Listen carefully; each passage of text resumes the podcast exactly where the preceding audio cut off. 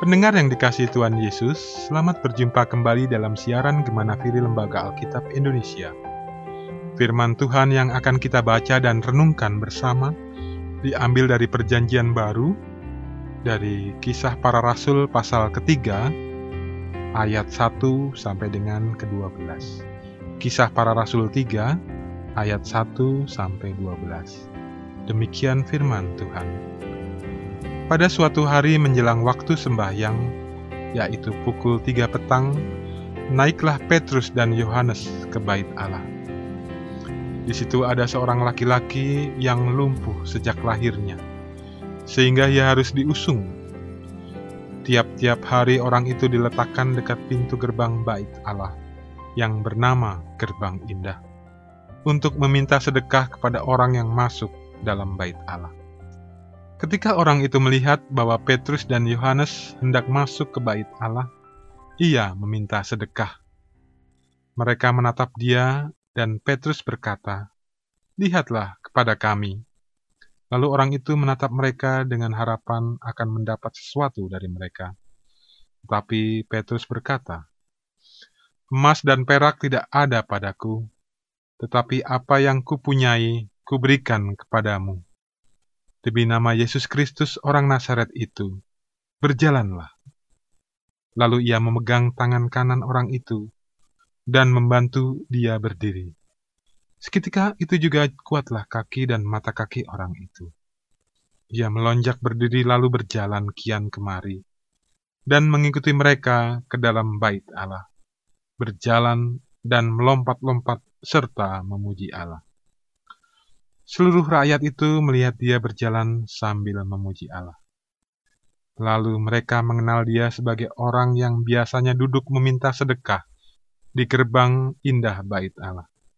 Sehingga mereka takjub dan tercengang tentang apa yang telah terjadi padanya.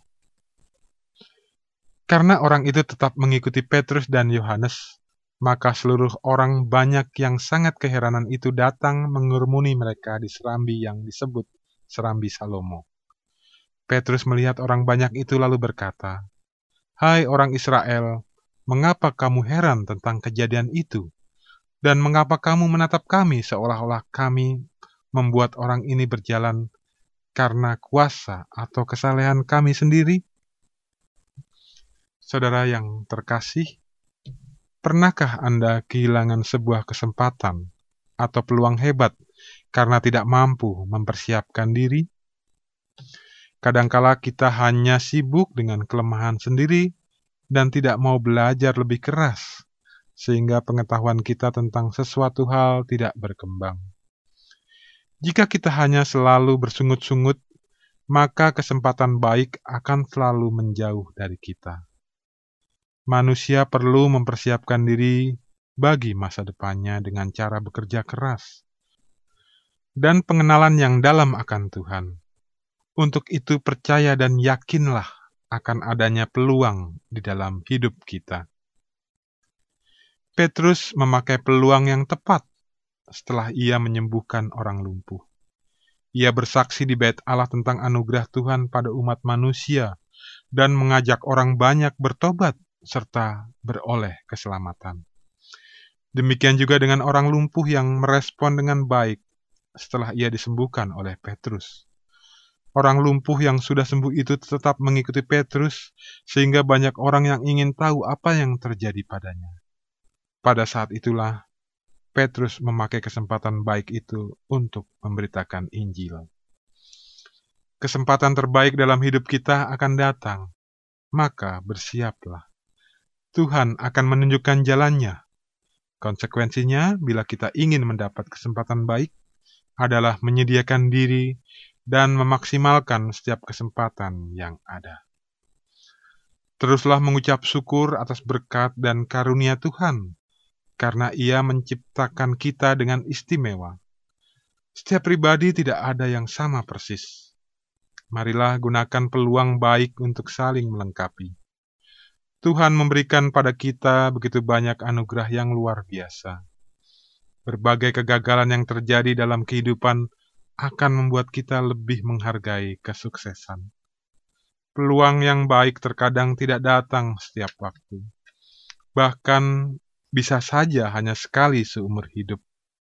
Untuk itu persiapkan diri sebaik mungkin sehingga ketika peluang itu tiba, gapailah dengan mantap. Namun kita harus bertanggung jawab atas pilihan itu karena kitalah yang tahu mana yang terbaik. Jauhkanlah keputusasaan dan kekecewaan karena hal itu hanya membuat kita sulit untuk maju. Mengucap syukur adalah obat untuk menaklukkan kesedihan dan kekecewaan. Ciptakan kehidupan yang kita sukai dan tetaplah memuliakan Tuhan. Setiap peluang tetap harus dipikirkan dengan matang. Apa sudah sesuai dengan nilai-nilai kekristenan? Apakah waktunya tepat? Dan apakah sesuai dengan kondisi kita? Pertimbangan tetap menjadi dasar dalam mengambil keputusan. Dan yang paling utama, komunikasikan setiap masalah kita dengan Allah. Saudara yang dikasihi Tuhan, jangan membatasi diri kita pada orang-orang, organisasi, dan jejaring yang berkaitan dengan bidang pekerjaan kita saja.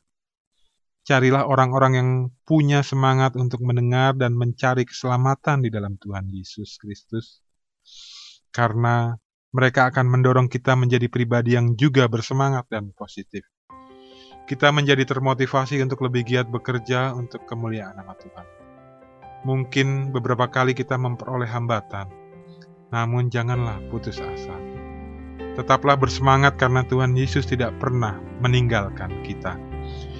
Hidup ini terlalu singkat untuk disia-siakan, maka pakailah hidup kita mengikuti jalan Tuhan dan bawalah sebanyak mungkin orang kepada jalan kebenaran dan hidup, yakni Yesus Kristus.